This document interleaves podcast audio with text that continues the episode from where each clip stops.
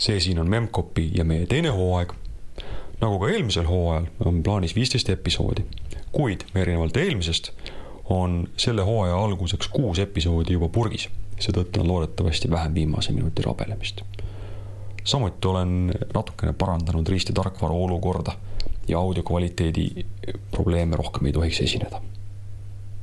aga külas on meil täna Taavi Talvik, mees, kes nagu ka meie teised külalised üldiselt tutvustamist ei vaja, kuid äh, kelle käsi on olnud mängus Eesti internetiseerimise juures ja kelle tegevuse tagajärgi me ühel või teisel viisil kõik tajunud oleme, sest tema tegi niisuguse asja nagu Uninet. ja see on suur asi Eesti internetis. head kuulamist. tere. tere. sinu nimi on? minu nimi on Taavi Talvik. väga meeldiv. oleme kogunenud siia äh, suurepärasesse kontorisse, kus me oleme juba korra varem käinud. Rääkimaks sellest, millest äh, ei ole võib-olla ammu hästi räägitud. ehk siis äh, sellest, kuidas asjad alguse said aga hakkame sellest pihta, kuidas asjad sinu jaoks alguse said. kuidas sa üldse arvutite juurde jõudsid? Äh, arvutite juurde jõudmine iseenesest on äh, väga lihtne, et äh, kodus sattusid olema paar põnev, põnevat raamatut, et ise, isegi enam ei mäleta, mis see täpselt oli, kas see oli mingi Ustus Aguri Abakuse Straalini või mm või, või, või mingisugune äh, Norbert Wieneri mingi küberneetika või igal juhul mingi sihuke raamat oli ja tundus jube põnev. et äh, ja noh, siis kuna esivanemad olid äh, tööl Tartu Ülikooli juures äh, keemikutena ja, ja, ja noh äh,, olid kuulujutud, et need ülikoolis ikka mõni arvuti on, et siis ma kohe hakkasin neile pinda käima, et kuulge, et ma tahaks ka näha, näha, missugune see arvuti päriselt välja näeb. aga kas, ühesõnaga sa oled, siit me kohe järeldame, et sa oled Tartust? jah, ma olen Tartust. et äh, selles mõttes äh, Tartu on jumala okei okay,, äh, sihuke väike, väike linnakene Elva lähedal ja lapsepõlves mulle seal väga meeldis.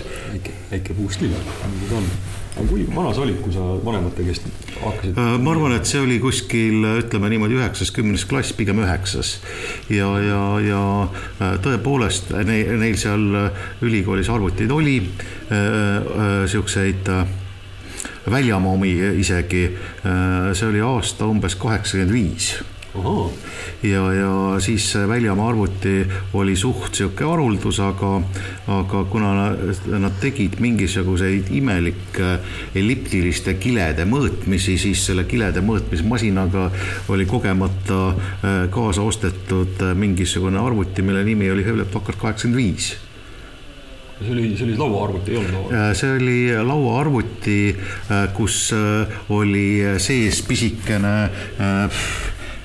ma ei tea, viietolline ekraan, klaviatuur, kassetimakk ja, ja, ja äh, termoprinter ning taga oli hunnik juhtmeid, mis ühendasid teda siis selle mõõtmis, mõõtmisseadmetega. niisugune mudel ei ole küll läbi käinud kellegi jutust, et see kõlab täitsa nagu eksootiliselt. see on äh, iseenesest väga eksootiline mudel äh, äh, ja tal oli mingisugune oma Hewlett Packardi protsessor, mis omas, omas ajas oli isegi täitsa innovaatiline ja tore okay.. kuigi noh, see protsessor protsessoriks, millega äh, see välja paistis, oli tavaline basic ja see, et äh, ekraani peal sai jutte joonistada ja, ja no ütleme noh äh, kui jutt, ise jutte joonistada ei osanud, siis sai mingisugust pingpong, pingpongi või kosmonautide maandumist mängida. aga sind lasti kohe siis sinna juurde näppima, näe, poiss, võta näpi äh,. jah täie, täie, täiesti niimoodi, aga noh, eks nad, eks nad sealt need vanemad äh, inimesed, kui ma õieti mäletan, siis tema nimi oli Sirk. No õpetasid ka, et mis, et kaua sa siin mängid, et äh, proovi kokku liita arve ühest kümneni või midagi sihukest ja noh, sealt need äh, asjad pihta, pihta hakkasid okei okay,, sul koolis ei olnud mingisugust niisugust, mis koolis sa käisid? Tartu Kümnes Keskkool, mis on tänapäeval siis Mart Reiniku gümnaasium okay.. koolis ei olnud see aeg veel mitte midagi. täitsa tühi maa, jah? täitsa, täitsa tühi maa Äh, tõenäoliselt äh, samal ajal Nõos midagi oli, aga, aga Nõo on Tartust nii kaugel ja noh, selleks peab ikkagi Nõos tutvusi olema, et sinna, sinna keegi kutsuks. kui ma mõtlen niisuguse üheksanda ja kümnenda klassini peale, siis seal kipuvad igasugused muud põnevad hobid olema selle asemel, et lugeda härra Viineri kübernetikat või ka Aguri seda, seda teost. No, miks sa lugesid seda? no tore oli, et huvitav oli ja, ja noh, võib-olla vanemad sokutasid ka midagi, et loe poiss, et, et järsku saad targemaks Uhu. või midagi sihukest. aga noh, eks, eks see tagantjärgi tarkusena enam ei mäleta, mis see täpselt see ajend oli just ma sellepärast küsin, et kas sul oli, oligi populaarteaduslike asjade huvi või oli ja ikka selles mõttes äh, oli populaarteaduslike asjade huvi äh,, oli ulmehuvi ja kuna äh, nagu nupp selles reaalteadustes jagas, alates igasugustest nendest olümpiaadidest ja asjadest, siis see tundus nagu naturaalne. Läks nagu loogiline, loogiliselt edasi. kuidas sul see ähm, reaalteaduste jagamine nagu, nagu esile kerkis, kas sa kohe nagu esimesest klassist alates tundsid ennast selles osas mugavalt või tegeles keegi su arendamisega spetsiifiliselt? ma arvan, et tundsin suht. Äh, tundsin suht mugavalt tänu sellele, et äh, isa-ema olid äh, ülikoolis õppejõud ja, ja aeg-ajalt nad ikka keemikutega midagi, midagi rääkisid ja, ja, ja alati noh, nende käest oli alati võimalik küsida, et kui ma kuskil füüsikas, keemias, matemaatikas hätta jäin ja noh, siis kui sa hädast üle saad, keegi sind hädast üle aitab, siis siis, siis noh, endal tekib mugav tunne ka, et ja, ja, ja ei saa nagu vastu näppe siis. ja, jah, see on hea turvaline toimetada. täpselt just, aga see kõlab ju, miks sa siis keemiku teed ei läinud sealt? no arvutid olid põnevamad peale seda, kui üks hetk näpp oli antud, siis, siis see põnevus järjest järjest lihtsalt kasvas noh, seal noh, selle ühe AP, selle kaheksakümne viiega või mis ta oli, et ega see ei saanud ju nagu väga kauaks põnevaks jääda. Äh, eks seal oli, olid ka omad asjad, et äh, natukene mingeid trips-traps-trullilaadseid mänge kirjutada ja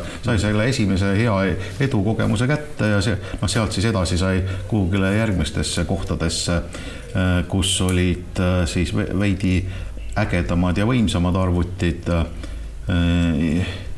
et äh, keemiahoone kõrval oli Tartus olemas, mitte just kõrval, aga, aga lisaks oli ka füüsikahoone, kus kus oli selline inimene nagu Alo Raidaru mm, -hmm. kellel oli päriselt äh, kuskilt saadud äh, PC-laadsed arvutid.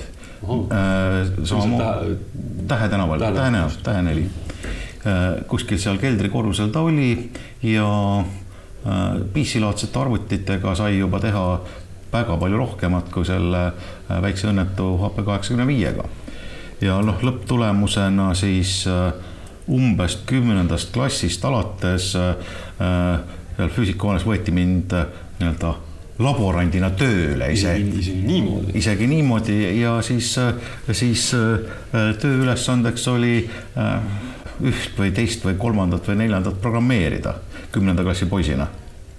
ohoh, aga kust sul see programmeerimisoskus tuli siis? no ma ei tea, tuli järjest, kõik, kõik, kõik aitasid äh, kõrvalt ja noh, äh, õpetasid ja noh, kuidagi siis see naturaalselt kasvas.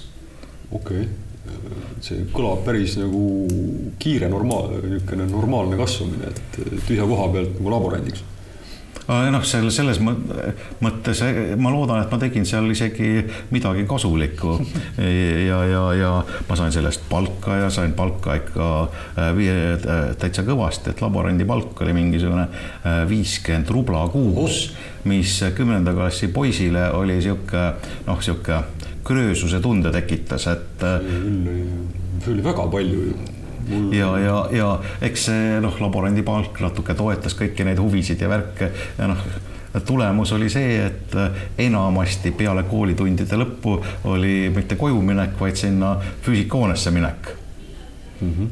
see on ju, see on ju arusaadav. ikkagi mind, mind ei jäta rahule see, et, et kui sa niimoodi ise arened, siis peab olema mingisugune niisugune huvi, mis sind eh, viib selle asja juurde. absoluutselt. mis no,, mis sind tegi põnevaks selle asja? Äh, põnev, põnevaks tegi ikkagi see, et äh, kui sa arvutile mingisuguse programmilaadse asja selgeks teed, siis ta, ja siis ta teebki midagi, mida sa arvasid, et ta võiks teha. noh tihtipeale ei tee, aga väga tihti ta tegi ka ja see oli jube kihvt, kui, kui midagi juhtus mingi asi allus sinu korraldusele. mingi asi allus minu korraldusele, noh, täiesti niisugune unikaalne situatsioon maailmas. ja, jah, eriti teenager'ile see kontrolli puudumine võib olla päris absoluutselt suur probleem. jah, no oskad sa mõnda näidet tuua, et mis sa seal laborandina progesid äh,? laborandina progesin äh, no üks asi, mis kindlasti meelde tuleb, on äh, antiviiruse. antiviiruse aastal kaheksakümmend millegagi? kaheksakümmend kuus umbes äh, selles mõttes, et siis oli nagu äh, sihuke äh, äh, avastushetk, et äh, maailm hakkas vaikselt lahti minema ja vaikselt liiku-, liikusid ja ilmusid viirused Eestisse ka. Okay.. ja, ja siis äh, tekki, tekkis see jama, et viirus jõudis sinna meie juurde ka. Ja noh, sellest oli vaja kuidagi lahti saada, kuna arvutid hakkasid imelikult käituma. Äh, viiruse nimi oli, kui ma õigesti mäletan, Yankee Doodle, äh, mis tegi siis äh, piikse ja ekraani peal vist hakkasid tähed kukkuma. Jah, tähed hakkasid kukkuma ja siis ta mängis Yankee Doodle'it ka, kui ta riistvara võimaldas. jah, ja sihuke viir-, viir-, viirus oli ja, ja noh, siis sai uuritud, kuidas see käitub ja siis tehtud pisike programmikene, et, et sellest lahti saada, oli täitsa võimalik. aga noh, see on sihuke lihtsalt tore mälestus. Äh, põhiline, mida äh, seal äh, Alo Raidalu laboris tehti, oli te,, tehti elektroonikat füüsikutele ehk mingisuguseid lisasid nendele mõõteseadmetele, katseeksperimentidele ja nii edasi. ja seoses sellega nad tegid ise trükkplaate okay..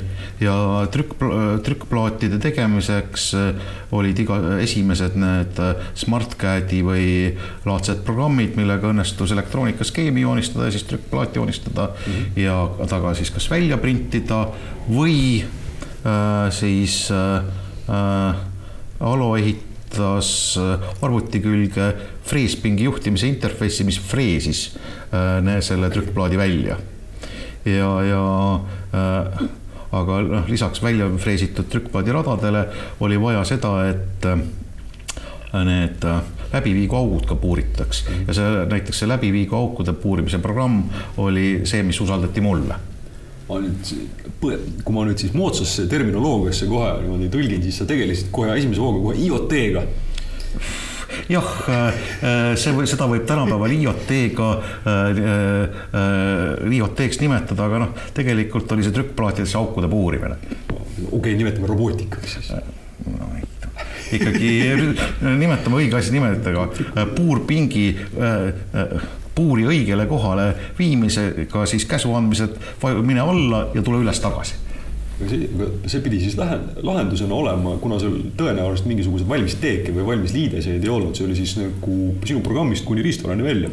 Äh, põhimõtteliselt küll, et äh, sellest samast CAD-i, CAD-i programmist sai äh, aukude koordinaadid ja, ja nende koordinaatide peale lihtsalt tuli aug-, see augud puurida, sinna seal vahepeale sai mingi puuride liiguta, puuri liigutamise keel, et astu sada sammu siiapoole, mine alla, astu sada sammu sinnapoole, tule üles. ei, kohe tuleb üles tulla ikkagi ja nii edasi jah, ja selle keele mõtlesid välja ka sina või? no see, eks need vanemad inimesed kõrvalt ikka aitasid, et, et nii kui kinni jooksid, no nii tuli keegi ikkagi appi see on ju hästi turvaline jällegi. absoluutselt hästi turvaline, turvaline keskkond kasvada. keskkond kasvada. teised on rääkinud, et, et nad üsna varakult said mingi teiste omasugustega ka nagu ninapidi kokku ja vahetasid infot ja, ja tekkis mingisugune niisugune kogukonna moodi asi sul seda ei olnud äh,? äh kooli ajal ei olnud, aga pärast kooli äh,, ülikooli astudes see tekkis üsna, üsna kohe teki, tekkis kogukonna tunne ülikooli esimesel kursusel aga enne, ärme veel ülikooli, ülikooli lähme, et äh, see keskkoolis sul õppimist segama ei hakanud, see labo? ei, äh, otseselt ei hakanud äh, noh, kuna nupp natuke lõikas, siis võis, võis mõne, mõne koha pealt üle nurga lasta, et. ei olnud väga vaja pingutada. et noh, selles mõttes koolis jah, lõputult pingutada ei ole olnud vaja, võib-olla seal eesti keele kontrolltööd läksid kehvemaks, aga okay., aga noh, ütleme üldtase sinna äh, nelja juurde jäi no see on ju täitsa okei okay.. no ütleme, kooli lõpetamisel oli, oli tunnistus umbes selline, et kõik olid neljad, välja arvatud äh, üks viis ja üks kolm. no siis teed keskmise küll, teed täpselt neljaks. mis see kolm oli? enam ei mäleta, lihtsalt ei mäleta, võima-, võimalik, et oli vene keel, aga li, ma, hetkel enam ei mäleta. vot nüüd me jõuame ülikooli juurde, et see, mis kooli sa läksid? Äh, Tartu Ülikool ja füüsika, füüsikateaduskond ja sest, sest seal sa juba olid laborandina käsi sees äh,? laborandil oli käsi sees ja, ja noh, tegelikult füüsika kui nähtus huvitas ka ja, ja selles mõttes äh, tegelikult füüsika kui nähtus äh, huvitas oluliselt rohkem kui matemaatika. et füüsikas oli, oli nagu see keerukus aasta väiksem selles mõttes, et matemaatika, matemaatikud, need läksid mingi teise tuletise või seitsmenda tuletisena välja ja, ja, ja noh, samas kui füüsikud ütlesid, et teine tuletis, see on nii ebaoluline juba, et seda efekti me sellel kursusel ei aruta, see jääb kolmanda kursuse materjaliks ja see mulle jumalast sobis vot väga huvitav, sest mina just mõtleks vastupidi, et, et füüsikas on ikka päris maailm ja see on nagu messi ja keeruline ja seal on mingisugune. ei vastupidi, vastupidi, et seal on mingisugused suhteliselt lihtsad rusikareeglid, kui mm., kui nendest suhteliselt lihtsatest rusikareeglitest aru saada, siis need noh, peenhäälestamine, noh, see tuleb peale ja noh, nagu ma ütlesin, see tuleb nagu järgmise kursuse materjalist. esialgu võid kõrvale jätta. okei okay,, nii, nii võttes küll, jah.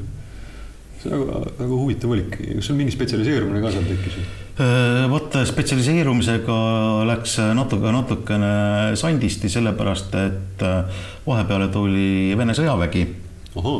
Ja, ja, ja peale Vene sõjaväge äh, ma küll täitsa jätkasin füüsikas kaks pool aastat, aga, aga noh, siis tuli ka muu elu kõrvale ja siis nii-öelda õppimisvaimustus vaikselt noh, ütleme, kuidas seda viisakalt öelda, siis hajus hajus, väga viisakalt öeldud. kus sa teenisid? Valgevenes, niisugune koht nagu Borissov kolmteist on niisugune super koht ei ütle mitte midagi ilmselt mitte kellelegi täna Eesti Vabariigis. Äh, tõenäoliselt mitte kellelegi. välja arvatud nendele, kes seal teenivad.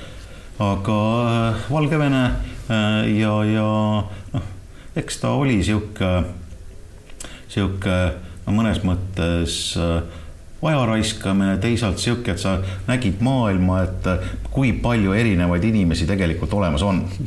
jah, see arvuti inimesel on üsna niisugune nagu silmi avav ilmselt jah, on no selles mõttes, et palju, palju, palju meist Äh, ütleme kaheksakümne kaheksandal, kui ma sõjaväkke läksin, palju meist reisinud tegelikult olime. võib-olla Nõukogude Liidu piires äh, siin-seal kuskil käinud, aga see, ega see reisimine ei olnud niisugune nagu teema, mida kõik on teinud ja see, see noh, uute inimeste nägemine tegelikult oli selle äh, sõjaväest päris Äh, kasulik kogemus tagantjärgi. nojah, sest seda, ma just pidasin seda silmas, et arvutiinimesel on tõenäoliselt nagu eri tüüpi arvutite, eriprogrammeerimiskeelte ja niisuguste asjadega nagu suurusjärk rohkem kogemust kui eri tüüpi inimeste ja, ja seda kindlasti. kultuuride ja niisuguse asjaga. vot äh, ja siis sa tulid tagasi, aasta oli Äh, tagasi tulin, aasta oli äh, kaheksakümmend üheksa, mul õnnestus Vene sõjaväest äh, pääseda ühe aastaga, kuna Gorbatšov ütles, et üliõpilased, nemad on meie sotsialistliku riigi tulevik ja minge õppige ülikoolis parem edasi, mitte ei jookske püssiga, ärge jookske püssiga ringi. ja siis tulevik tuli Tartu Ülikooli edasi füüsikat õppima? tulevik tuli Tartu Ülikoolis edasi füüsikat õppima ja noh, siis ma proovisin ka spetsialiseeruda astronoomia peale. ahaa miks just astronoomia? Äh, noh, see on jälle sihuke, sihuke äh, juhus, et äh, mm, tõenäoliselt sa tead sihukest ulmekirjanikku nagu Isaac Asimov. no olen kuulnud jah. suure tõenäosusega oled kuulnud, et lisaks sellele, et ta oli ulmekirjanik, ta oli jube hea teaduse popularis-, populariseerija ja, ja jälle kodusest raamaturiiulist oli mingisugune raamat, mille mis, mille pealkiri oli siis Universum, see oli küll, tõsi küll, venekeelne, Vselennaja, aga ta kirjutas niivõrd fantastiliselt seda, kuidas toimib, et see nagu jäi kuklas äh, kripeldama, et noh, et äh, järsku peaks edasi uurima seda teemat ja, ja see tundub nii kihvt olema ja siis ma proovisin sinna spetsialiseeruda. mis, mis see tähendab, et proovisid, kas see tuli sul välja? No ei, ei otse, otse, otseselt ei tulnud välja, kuna äh, sellest koolieelsest tööelust kasvas välja järgmine tööelu, mis hakkas natuke õppimist segama. et seesama äh, Alo Raidoru sokutas mind tööle ajalehte Edasi. ahaa edasi siis ei olnud ju vaja auke puurida? edasi siis ei olnud auke puurida vaja, aga, aga, aga kaheksakümne üheksas aasta oli juba see aasta, kus äh, reaalselt tekkisid ka ettevõtetesse esimesed arvutid ja, ja mm, tekkis äh, nii-öelda esimene desktop publishing. Oh ja, ja kuna üks selle, selle Alo hobidest oli äh, ülikooli teatmiku väljaandmine, siis tema käest küsiti nõu, et kuule, et meie saime edasi ühe arvuti, et kas seda saaks kasutada kuidagi ajalehe väljaandmise abiks ja, ja siis äh, mind, mind sokutati sinna, et kuule, Taavi, sina mine aita neid.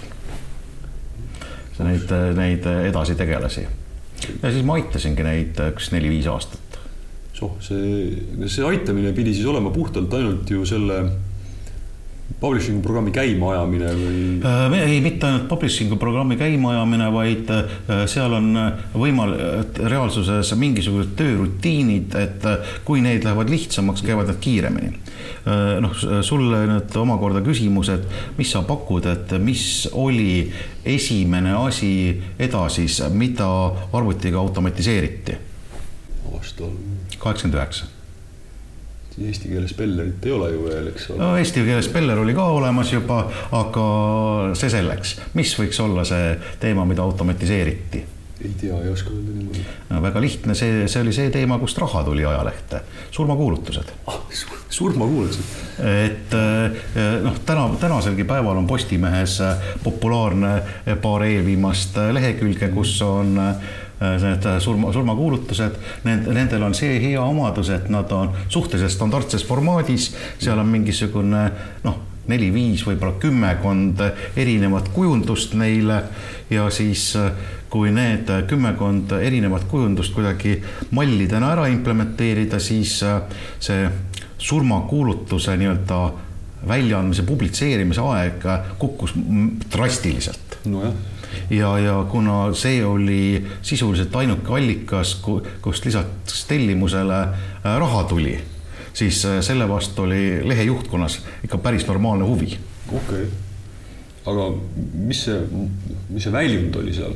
Äh, väljund oli kile peale trükitud äh, sihuke noh äh, lehekülg, mis läks siis offset trükki. ühesõnaga sina, sinu see tarkvara, mis automatiseeris, see lasi otse kilele või? jah, otse kilele laserprinteriga lased paberi abil läbi kile ja siis see asi, mis sealt välja tuleb, see on enam, enam-vähem see, mida saab äh, äh, trükkaritele kätte anda, et kleepige siis õigesse kohta. õigesse kohta. see tähendab, sa produtseerisid postscript'i?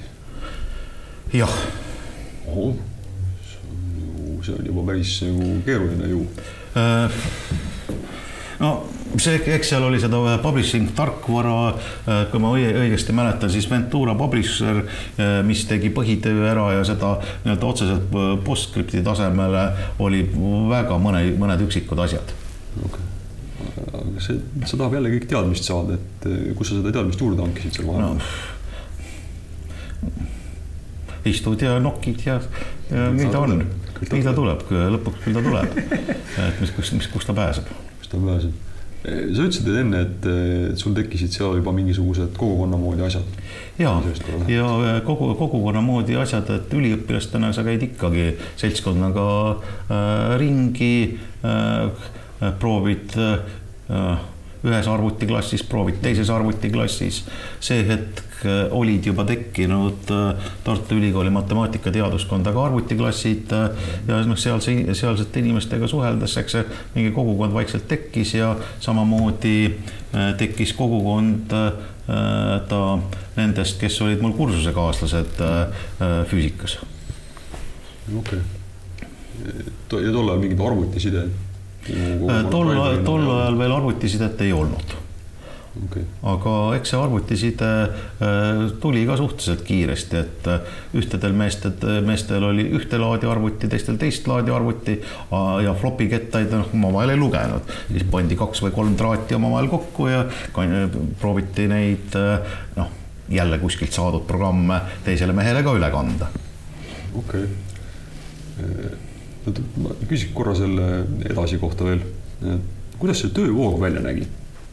ma olen ikka tahtnud küsida, et see ajakirjanik kuidagi kirjutas millega oma siis selle äh,? edasi aegadel ajakirjanik kirjutas ikkagi kirjut-, kirjutusmasinaga ja siis oli äh, tinaladu, aga kui tekkis nagu rohkem arvuteid äh,, siis äh,, siis läks tinalaolt üle ka äh, ütleme selle kile peale trükitud väljundini. -hmm. noh, seal oli terve hunnik etappe veel vahel, et äh, et äh, ajakirjanikele arvutit saada.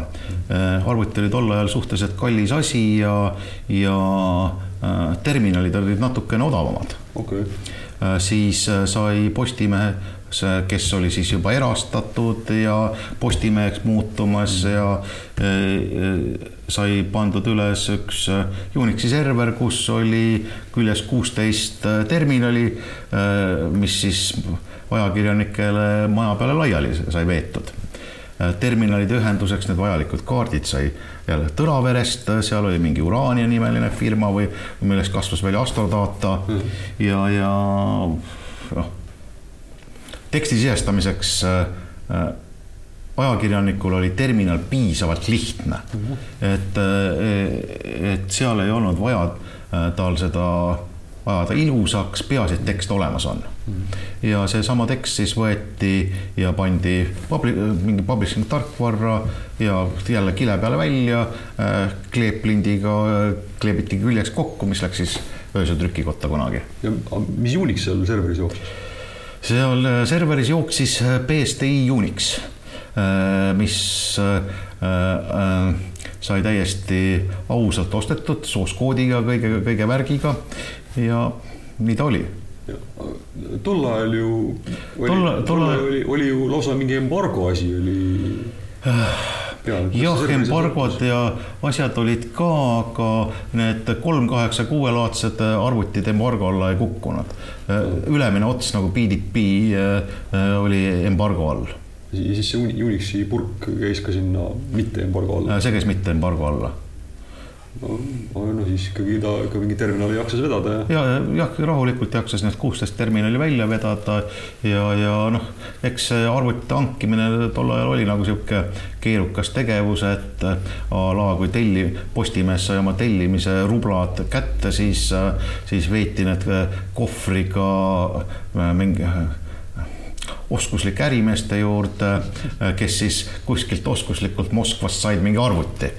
et noh, see oli, äh, too aeg oli nagu sihuke vorstikauba aeg. ja, aga lõpuks oli need vajalikud arvutid võimalik välja ajada. Veiko Tammega oleme sellest rääkinud pikalt. just ja, ja noh, mõned kohvrid jõudsid tema juurde ka ja tema siis oli äh, äh põhiline Postimehele arvutite hankija no,. noh, isegi niimoodi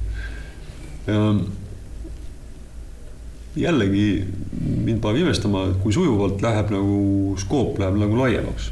et kui ma sellest programmeerimise asjast veel saan aru, eh, siis sellest, et, et sul see huvi läks nagu laiemaks nagu mingite Unixite serverite püstipanek ja desktop publishing ja, ja nii edasi. et eh, mis sind hoidis nagu laiendamas seda, et oleks olnud lihtne nagu keskenduda kas programmeerimisele või see, ma arvan, et äh, siin oli just, äh, siin oli just see, et äh, see seltskond ümberringi mm, Postimehe ajakirjanikud või edasi ajakirjanikud, neil läks ka silm särama, et näed, niisugune võimalus on seda oma, oma tööd paremini teha. Ja see tekitas nagu surve eelkõige selleks, et neid kuidagi aidata. Okay et äh, kui, kui inimesel silm särab midagi äh, tehes, kui sa teda aitad ja läheb sinul endal ka silm särama ja noh, põhimõtteliselt nii lihtne see ongi. aga siis see eeldab ikkagi mingisugust, kui ma elementaarset asja tohin üldse sedastada, mingit elementaarset huvi nagu inimeste vastu ka noh, arvutiinimeste hulgas, noh, arvutid on toredad, eks. no selle, absoluutselt, aga, aga noh kui, kui sa igapäevaselt kellegi kõrval istud, tahes-tahtmata sul see huvi tekib ju.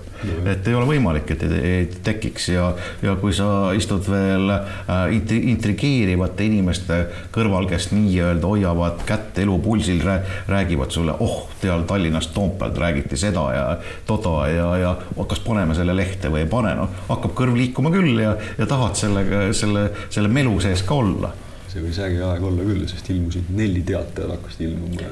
neli. neli teatajat oli hiljem, see oli Post oli siis. noh, tartlasena ma neid kõiki Tallinna asju ei tea.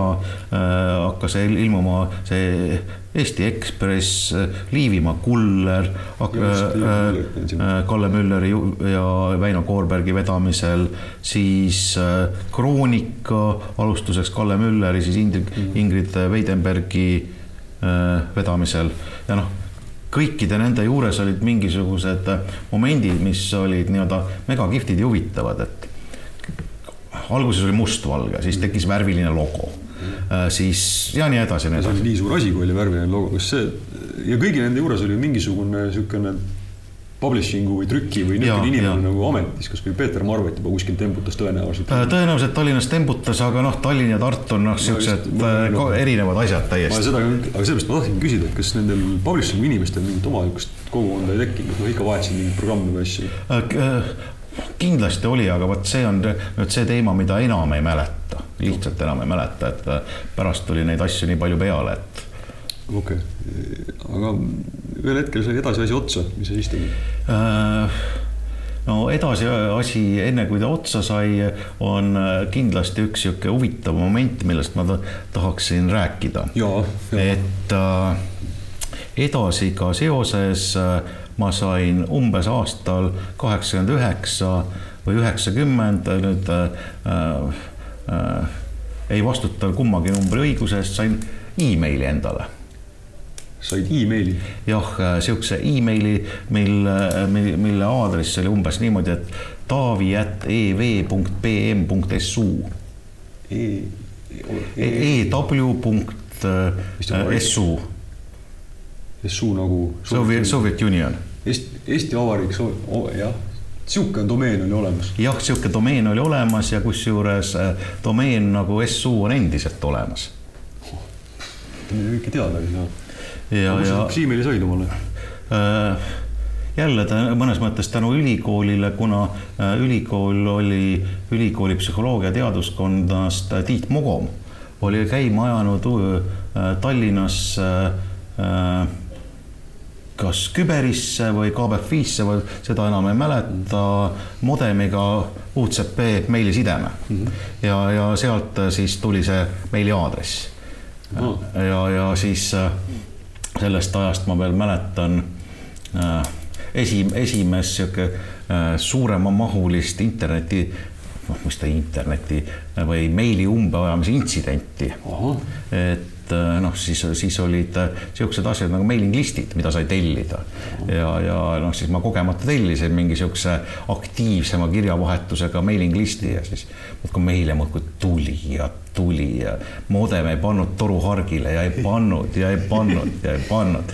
no ja no, läheb mingi tund ja teine ja kolmas no,, täitsa pekkis, nüüd on kogu see maailm umbes, läheb katki ja siis ma äh, võtsin jalad selga üle toome ja kõndisin sinna psühho-, Tiidu juurde, kuule, aita mul see meilivoog ära katkestada et noh, selles mõttes siis oli umbes see moodemi helistamine minu juurest tema juurde ja tema juurest kuhugi Tallinnasse ja Tallinnast veel Soome, mis iganes. kusjuures see, see on ju tänapäeval täitsa unustatud, kui oluline asi oli emailimise, kõik asjad käisid üle emaili. oli olemas niisugune asi nagu FTP üle emaili. mingisuguse failid keerati õige sobiva pikkusega tükkideks ja lasti Base kuuekümne neljaga kokku ja saadeti sulle meiliga, eks ole. see, sellise, sellisel kujul oli võimalik äh, kuskilt äh, listserveritest või arhiiviserveritest äh, endale nii-öelda tellida vaba tarkvara lähtekoode ja, ja, ja isegi minu meelest äh, isegi mingisuguseid pilte levitati. pilte levitati, aga noh, ka seal see kõige, kõige, kõige huvitavam tol ajal meie, meie jaoks oli see just see äh, vaba tarkvara lähtetekstide kättesaamine no,. miks see huvitav oli? selles mõttes, et äh, siis sa said jälle mingi uut, uut võimsamat asja teha. sellesama edasi juures Ed,? sellesama edasi juures äh, noh, eks seal äh, järjest neid automatiseerimise asju tuli peale, et äh, mingi hetk tehti oma kojukanne, et äh, oma kojukande jaoks oli jubedalt abiks, et postiljonidele need pakid jagataks siht sihtrajoonide järgi mm, -hmm. et õiged kleepsud oleks peal õigesse hunnikusse, õige, õige kogus ajalehti saadaks. Need oleks, neil oleks nimekirjad, mille, mille järgi viia ja, ja noh, sihuke kojukande infosüsteem sai näiteks tehtud. ja, jah, ja see on jälle, jälle, mida tänapäeval ei täna see kindlasti on olemas, Eesti, Eesti Postis või Omnivas on kojukande infosüsteem raudselt olemas. just, aga see on asi, mida tänapäeval nagu sagedasti ei juhtu, et sa astud uksest sisse ja hakkad nagu nullist programmeerima mingisugust nagu kojukande infosüsteemi, nagu tüüpist võetakse mingi asi alla no see, see oli see aeg, kus ei olnud võimalik võtta alla, lihtsalt Just. ei olnud. aga, aga, aga äriliselt Postimehel äh, oli ainuke võimalus teha ise kojukandesüsteem, kuna äh, see riiklik kojukanne ei toiminud, ta ei saanud, äh, ta viis ajalehe kätte mingiks lõunaks, Postimees tahtis, et hommikuse kohvi joomise ajaks ole, oleks olemas ja ehitas nullist üles äh, oma kohu, kojukandesüsteemi, mis pärast vist liitus siis Ekspress Posti omaga. Ja praegusel hetkel vist on alternatiivsena kojukandesüsteemina mingi, mingis ulatuses isegi toimiv sest ma mäletan seda küll, sellepärast et see, et Postimehes taht-, oli hommikul vara, oli postkastis, oli mingi täiesti, see oli nagu läänes, see oli nagu päris. see oli väga kõva sõna. et aga mis sa peale listide lugemise selle emailiga veel tegid?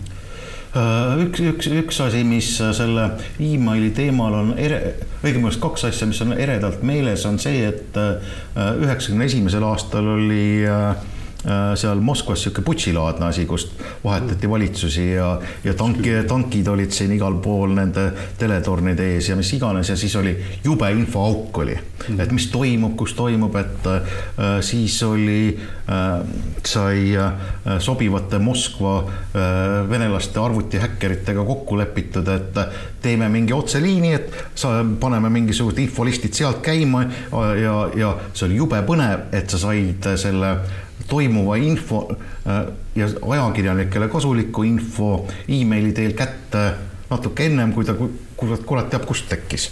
ja sul need kontaktid olid olemas?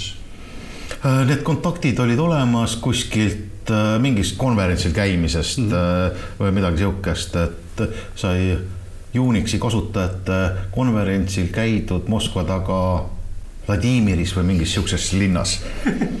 kusjuures, kus oli kohal äh, esinejana äh, Berkeley ülikoolist, äh, kui ma mäletan, Keit Postik või. on nii? ühesõnaga kaks Berkeley Unixi loojat või guru ja, ja selles mõttes ei tasu naerda, et venelased suutsid neid sinna enda juurde meelitada ja vedada. tõenäoliselt neil oli huvitav ja see konverents oli väga kihvt no muidugi, seda, seda ma imestan, et see võis olla väga kõva sõna tol ajal. ja oli ja noh, tagantjärgi noh, noh see tekitas jälle, jälle tunde, et see arvuti teema on nagu hea teema, et sa mm -hmm. hoiad nagu näppu pulsil, et no, oled suhteliselt lähedal sellega, mis maailmas toimub ägedat mm. -hmm.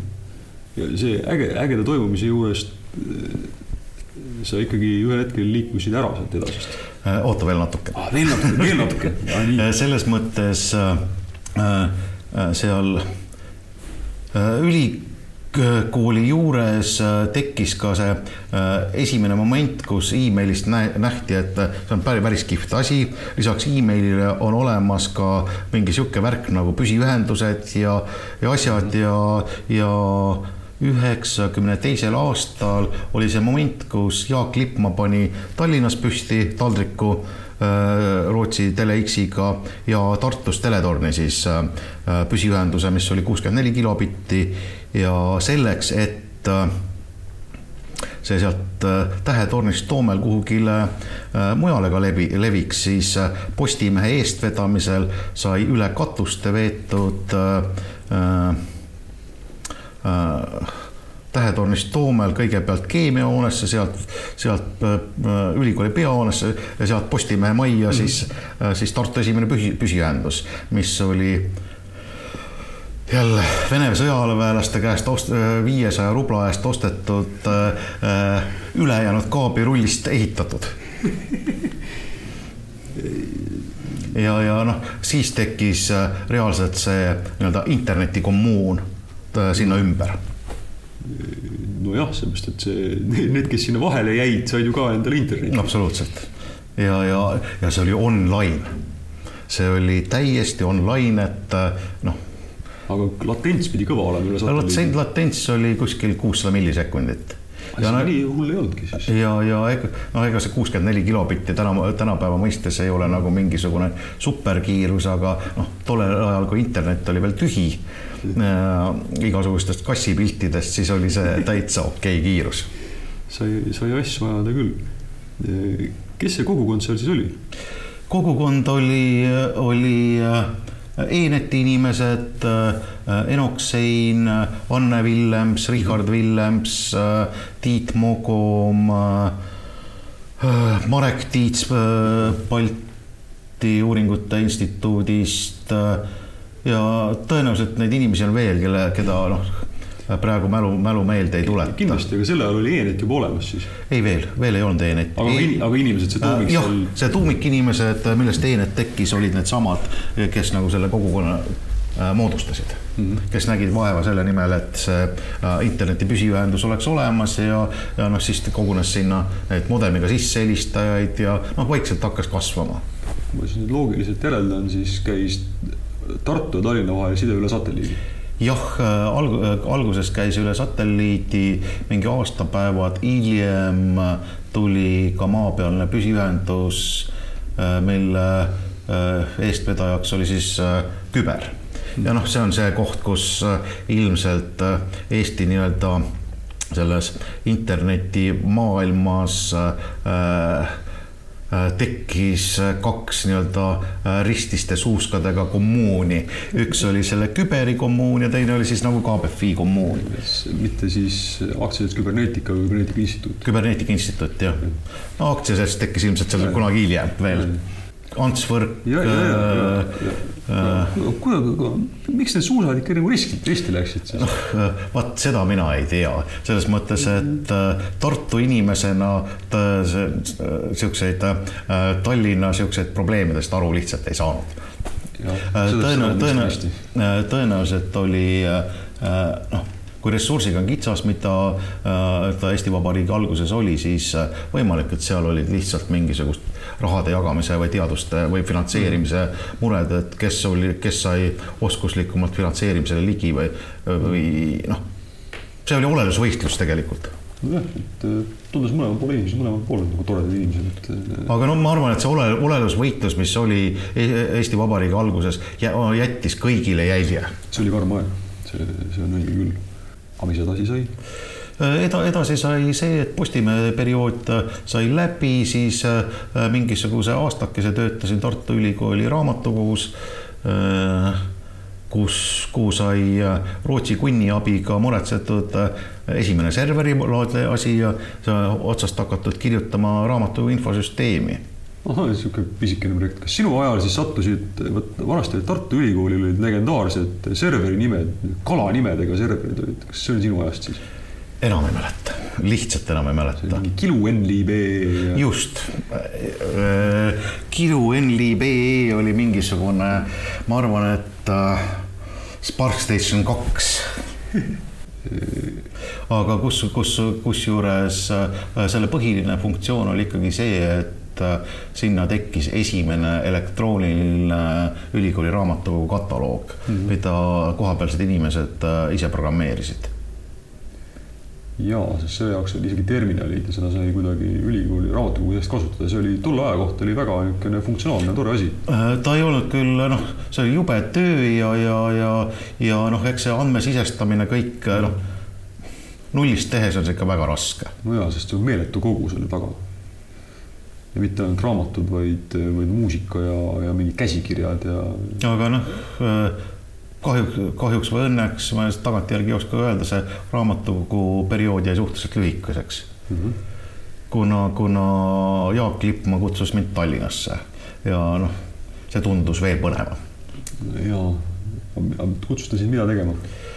Äh, tegelikult ta kutsus äh, mind sellisesse riigiasutusse nagu valitsusside et äh, umbes niisuguse mõttega, et kuule, Taavi, sina oled nüüd selle internetiga ja sidega natuke kokku puutunud, oskad ühest arvutist teise sümboleid saata, et kuule, et, et siin mingisugune KGB sidekeskus tuleb Eesti riigil üle, üle võtta ja noh, tule aita mm. -hmm. ja noh, siis tulingi.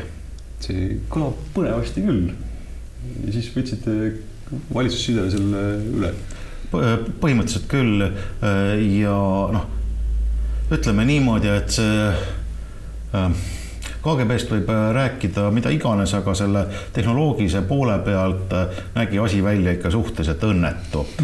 et äh, Hädala tänava majas olid suured saalid täis mittetöötavaid telefonijaamu ja, ja selle ütleme, ma võin nüüd natukene vale, valetada, aga suurusjärgus kakssada töötavat telefoni oli mis oli siis ette nähtud nende äh, riigi, riigi kui nähtuse jaoks äh, ja nende igasuguste organite jaoks, aga noh, ütleme kakssada töötavat telefoni on ikkagi suhteliselt nadi number. see kogu valitsuse peale on vähe võitu. kogu valitsuse peale. kogu valitsuse aparaadi peale. ja, ja noh, järgmine projekt oli seal äh, Siemensi äh, telefonijaamadega reaalselt äh,, mis siis on äh, Toompeal, Kadriorus, Välisministeeriumis, äh, mis kes need seal kõik Pikal tänaval olid mm, -hmm. reaalse telef-, sisetelefonijaamade võrgu käima panemine. kokku mingi paar tuhat numbrit. mis tuli, õnneks tuli täitsa edukalt välja ja, ja, ja oli reaalselt ka mingisugune kasu olemas. see on ju analoogjaam veel, eks ole? ei ole, see, see on digijaam. Siemens Topcom on digijaam võrgustatav ja kõik ja puha. ahaa, nii et see oli, see oli päris, päris sidevõrk? see oli päris sidevõrk. äge, aga kust see visioon tuli, et, et niisugust asja ehitada või see pidi ju kallis ka olema? no et oleks odavam olnud võtta lihtsalt analoogjaamad ja üritada kuidagi hakkama saada, aga tehti investeering äh, tehti investeering, äh, kust see äh, investeeringu äh, lüke tuli, kas see tuli Jaagu isiklikust mm. initsiatiivist, äh, mida ta siis tehnoloogilise poole pealt konsulteeris Aavo Pikhofiga, kes oli äh, Tallinna telefonivõrgus. seal tõenäoliselt sinna taha tulid tänu Jaagu ja Endel Lippmaa tutvustele ka noh, riigi, noh, mm. riigi funktsioonid. et noh, seda on tõepoolest vaja ja, ja, ja noh siis see visioon osteti ära ja finantseeriti ära. ja reaalse, oli reaalselt, reaalselt töötav tele, sisetelefonivõrk, aga, aga noh, eks ta mingi aja pärast jäi aja, ajale jargu küll. no kindlasti, kas see füüsiline kaabeldus oli Eesti Telefoni käest? Äh, füüsi-, füüsi-, füüsiline kaabeldus oli, osa oli Eesti Telefoni käest ja osa oli seda äh, nii-öelda vana KGB kaablivõrku, mida oli tegelikult Tallinnas äh, mõnisada kilomeetrit täitsa. ahah, sest nojah, keskjaam võis, võis katki olla, eks ole, aga kaabel, kaablid olid Kaabl, kaablid olid äh, olemas ja olid siuksed äh, korralikud tinakestaga kaablid, mis mm. oli noh, umbes nagu tuumasõja üleelamiseks ette nähtud ja meenutasid rohkem tanki kui kaablit. ilmselt olidki tuumasõja üleelamiseks ette nähtud kõlab nagu niisuguse projektina, mille käigus kohtub nagu huvitavate inimestega. Äh, absoluutselt, et, et äh, noh, telefonijaama installeerimine ja käimapanemine äh, Kadrioru lossis, kus Lennart Meri vaatab sult üle õla ja õpetab, kuidas telefoni ühe pistikuid ühendada, noh, see võib tagantjärgi tarkusena võib muigama panna, aga noh, see oli niimoodi ja see on Lennarti moodi ka. absoluutselt, et äh, ta tea, oska, oskas kõiki, kõikides asjades nõu anda, et, et vaadake, poisid, et te teete nii või naa. ja kaua sa neid kaableid vedasid seal valitsussides Ka,? valitsussides ma vedasin äh, kaableid kokku üks kolm aastat mm -hmm. ja, ja ütleme peale seda, seda esimest edukogemust Äh, telefonijaamadega, noh, loomulikult me tahtsime seal äh, järgmisi niisuguseid edukogemusi veel, et äh, see internetinimeline asi kogu aeg ronis uksest ja aknast sisse. kirjutasime järgmiseid pabereid, et noh, nüüd oleks mõttekas selle jaoks kuidagi investeerida. noh, mhm. siia-sinna, no ei võtnud väga vedu. Kuigi, kuigi noh, see hetk juba ükskõik kelle käest, kes natukenegi internetiga tegeles, nõuti, et kuule, mina tahan ka. inimesi tuli uksest ja aknast sisse, et kuulge, tehke midagi, mul, noh, mul oleks internetti vaja mm. -hmm. aga, aga noh paberi kirjutamine, paberite kirjutamine ei olnud edukas ja, ja siis äh, hakkasin kõikide oma tuttavate juurest läbi, läbi sõitma, et kuulge, niimoodi asi ei toimi, et äh, internetti kõik tahavad, võiks ju teha, aga välja ei tule -hmm. et kuulge, äh, võtaks pundi kokku, hakkaks nagu normaalselt ise tegema.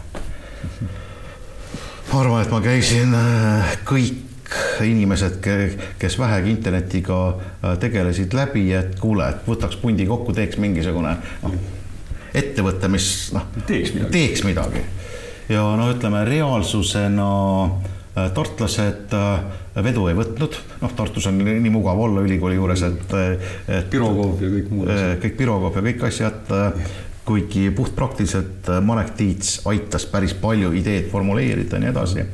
ja reaalsusena võttis äh, kõige rohkem vedu KBFist Andres Baumann mm. -hmm. ja noh, see siis äh, Andresega koos me tegimegi siukse internetiettevõtte, käisin poes, ostsin riiulifirma, mille nimi oli Nösper, mis on, mis on praegu siis, praeguseks siis Elisa Äh, seesama pisiettevõte, niisugune äh, riiuli pea, pealt ostu, ostetud riiulifirma registreerimiskood ja Elisa registreerimiskood on samad vaat sul on juriidilist äh, no, järjepidevust, järjepidevust. täiesti juriidiline järjepidevus olemas. jah. mis aastal see oli? see oli aastal üheksakümmend viis, üheksakümmend neli lõpp, üheksakümmend viis algus. see oli ikkagi üsna niisugune karm aeg sul ei olnud üldse mitte midagi saada ja, ja kõik asjad tuli nagu nullist ehitada. no oli küll mm, -hmm. aga, aga noh, teisalt, teisalt inimesed olid ka siis äh, leidlikud, noh, seal äh, Tata Telekom äh, Neeme Takise eestvedamisel ehitas ise äh, modemeid äh, RS neli kaks kahe mhm. elektrilise ühenduse peal. no kui ei olnud, siis teed ise Äh, kes kohandas mingeid asju ja, ja noh, midagi oli võimalik igal juhul teha just nimelt, et ma just, kui ma sind kuulan, siis oligi nagu võimalik nagu ise teha just peamiselt, et kui midagi saada ei ole, sa pead ise tegema. no ütle, ütleme mingisugused äh, noh, lisaboonused olid ka, et kui tänapäeval äh, inimesed arvavad, et äh, mis ta siis tuleb, et mingi kümme eurot kuus peaks tulema nii jäme internet, kui maailmas üldse olemas on, ehk mis ta on siis kolm kohvitassi äh, kuus, äh, siis too aeg oli internet nii nagu, kuidas öelda mm,, seksikas või mis iganes või uus või edev, et siis oldi veel interneti eest nõus maksma mm. -hmm. a la sellised asjad, et ettevõte ostab ise seadmed välja, äh, maksab kinni paigalduse ja siis hakkab kuutasu ka veel maksma sihuke helge aeg oli. see oli sihuke helge aeg ja, ja ütleme tänu, tänu sellele oli võimalik need esimesed noh, seadme investeeringud teha mm. -hmm sest äh, kui ma. et samasuguse mudeliga nagu täna on, et äh, kõik on, kõik on kümme kohv või viis kohvitassi kuus. Äh, sellise mudeliga no internet ei oleks Eestisse jõudnud mitte kunagi. kunagi ei saa hakkama. siis, kui ma õieti mäletan, siis mina hakkasin toimetama teie edasimüüjana. olen mingi üheksakümmend kuus võib-olla mis tähendas, et üsna nagu varakult teil oli ikkagi üsna niisugune lai võrk mingeid äh, juba nagu teenuseid ja mingeid all, all. põhi, põhi, põhiline, mis siis oli, oli äh, sisse helistamine, ma arvan. oli, oli küll jah. et, äh, et seal ma ei mäleta, mis, mis süsteemiga sai füüsiline modemi puul mm. äh, telefoninumbreid ja, ja, ja sellest see tegelikult pihta hakkas. Äh, tõen-, tõenäoliselt äh, telefoninumbritega äh, aitas kuna need olid ka Defka, aitas Jaak Lippmaa isa Endel Lippmaa, et, et noh, saaks kuidagi seal noh, mingi sobiva järjekorra mingisuguse sobivasse punkti. aga noh, lõpuks need said mm. -hmm ja noh, sealt, sealt hakkas see äh, internetiäri vaikselt kasvama, kuna, kuna inimesed tahtsid äh,, huvi, huvi kerkis äh,. Äh, siis üheksakümne äh, seitsmendal aastal või üheksa, ma arvan, et üheksakümne seitsmenda aasta alguses oli äh, see koht, kus äh,, kus äh, nii-öelda äh, üldkasutatav interneti välisühendus äh, oli igasuguste puukide poolt, nagu oli meie puukfirma seal küljest nii täis aet-, aetud, et Teenet tegi otsuse, et nii, nüüd äh, ärikasutajad, muretsege endale öö, äh, oma välisühendus uh. -huh. see. isegi hilja. selles mõttes, et üsna kaua saite toimetada nagu akadeemilise traadi peal. ja täpselt, täpselt samamoodi noh ta ei olnud veel päris akadeemilisest maailmast välja pääsenud, see internet. ja eks me, eks seal kõik toimetasid akadeemilise traadi peal ja, ja, ja senimaani, kuni e-net jalga maha ei pannud, seni oli see täiesti, ka täiesti loomulik nähtus. aga kuidas te siis saite Soome kuhugi? Soome kuhugile mul oli äh, mingist ajast jäänud kontakt äh, Helsingi telefonivõrguga ja Helsingi telefonivõrgu inimestega koos sai siis äh, nii-öelda kanal tellitud, ühendus hangitud, seadmed äh, hangitud ja, ja meil oli juba siis äh, sedavõrd palju käivet, et me enam-vähem suutsime isegi selle väliskanali kuutasu kinni maksta, mis oli niisugune soliidset pea sada tuhat krooni kuus oh,. oi, oi, oi, oi, see oli jõhker summa tol ajal. see oli väga jõhker summa ja, ja, ja noh, selles mõttes äh, äh, noh, kogu see internetitehnoloogia või ruuterid, see kogu see värk maksis ikka suhteliselt hingehinda, et äh, niisugune mingi kuue pordiga äh, Cisco ruuter äh, marki enam ei mäleta, see maksis mingiga mingi kakssada viiskümmend tuhat ehk, ehk niisuguse noh, niisugune ma ei tea, S-klassi mersu hinna. see oli õudne, aga me sellest ma järeldan, et mingi füüsiline kaabel oli olemas Eesti. ja Eesti füüsi-, füüsi-, füüsiline kaabel oli olemas äh, äh peale seda, kui äh, see äh, Telekom sai kontsessioonilepingu Eesti riigilt, suhteliselt kiiresti vedas Eesti Telekom ka kaks valguskaablit oh, okay. Eesti-Soome vahele Äh, ma ei mäleta, mis aastal see oli, aga ma arvan, et äh, see oli ka kuskil üheksakümmend seitse, üheksakümmend kuus. isegi niimoodi, päris vara noh, selles mõttes, et äh, Telial oli see kogemus olemas ja noh, investeerimisvajadus kogu, kogu selle analoogvõrgu kõige väljavahetamiseks oli väga selgelt olemas mm. -hmm. ja siis lihtsalt investeeriti. ja Tele, Telial tegelikult investeerimisjõudu ka oli mm. -hmm. Te ju tegite mingisugust hosting ut ka teil sai mingeid servereid pidada? ja sai servereid pidada, et ei peaks äh, seda traadiraha maksma, mis mm, -hmm. mis oli, ma arvan, et äh, täiesti normaalne teema kuidas see käis, kui ma praegu ostan mingisuguse virtuka endale, siis tol ajal ma sain lihtsalt mingi account'i ja parooli kuskile ja siis. siis said äh, Unixi account'i endale. oligi kõik. ma veel mäletan, kuidas sai, kuidas veebiprogrammeerimine käis niimoodi, et mul oli Windowsi masin ma tegin Perli skripti, laadisin selle FTP-ga ülesse, siis ei töötanud, siis ma kellegi teie süssadmini käest sain väljundi. Et mis, mis logidesse kirjutati, see saadeti mulle kuidagi. siis ma vaatasin, ahah, näe, Perli skript ei tööta, parandasin ära, saatsin uue versiooni vot äh, tunnistan ausalt, et seda, äh, seda poolt, seda, seda poolt arendusprotsessist ma ei näinud, kuna, kuna nii-öelda olles pumba juures sa ise vaadata kohe, kas perl töötab või ei tööta. no vot, ega ilmselt, ilmselt oled selle võrra ka mõnevõrra ajurakkusid säilitanud. Et see läks üsna ruttu, enne kui te, teie mind, mind välja viskas selle sellest protsessist. siis tuli, tuli Windowsi all perl käima ajada. see selleks et see on, see oli üks legendaarne ettevõtmine, üks legendaarne aeg. aga mis sa praegu teed? praegu äh, olen sellises huvitavas ettevõttes nagu Rebel Room mm. -hmm. ja meie tegeleme transpordiettevõtetele wifi teenuste pakkumisega ja nende optimeerimisega.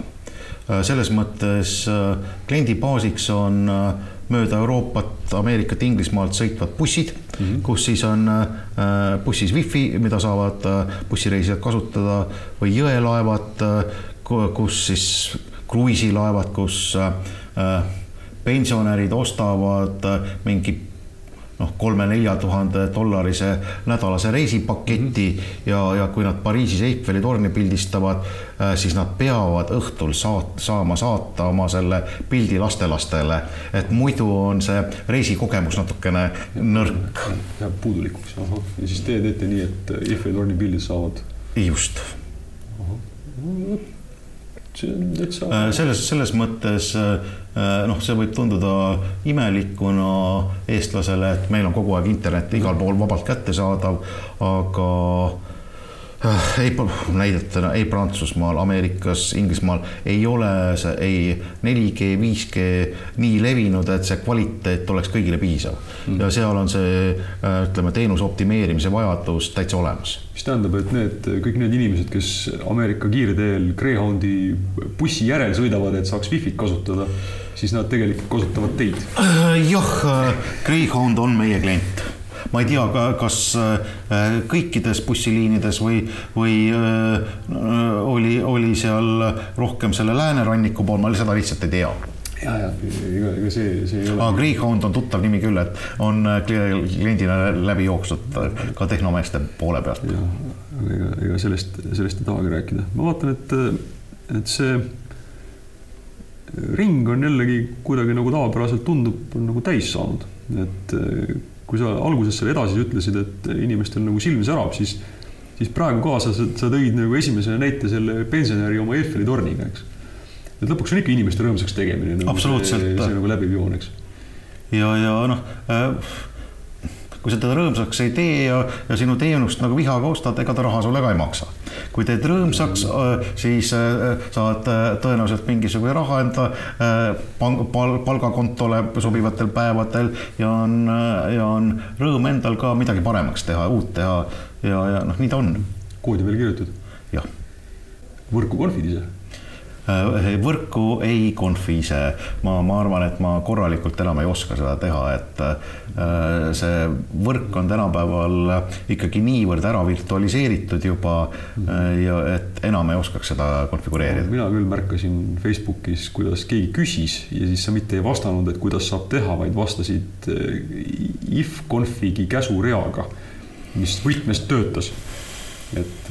ei no selles mõttes see on, see on oma arvuti konfimine, mitte ei ole selle no võrgu konfi-, võrgu konfimise all, all ma mõtlesin ikkagi seda, et kus päris võrku, noh, et kus on sul mingisugused jämedad ruuterid, kus on vilkuvad sinised LED-id ja, ja käib läbi noh, pool Eesti interneti trafficust, noh, see oleks nagu võrgu konfimine. selge mis annab, tõmbab päris hästi meie, meie jutule joone alla, ma arvan, et et selline mastaap on, on päris, päris värskendav.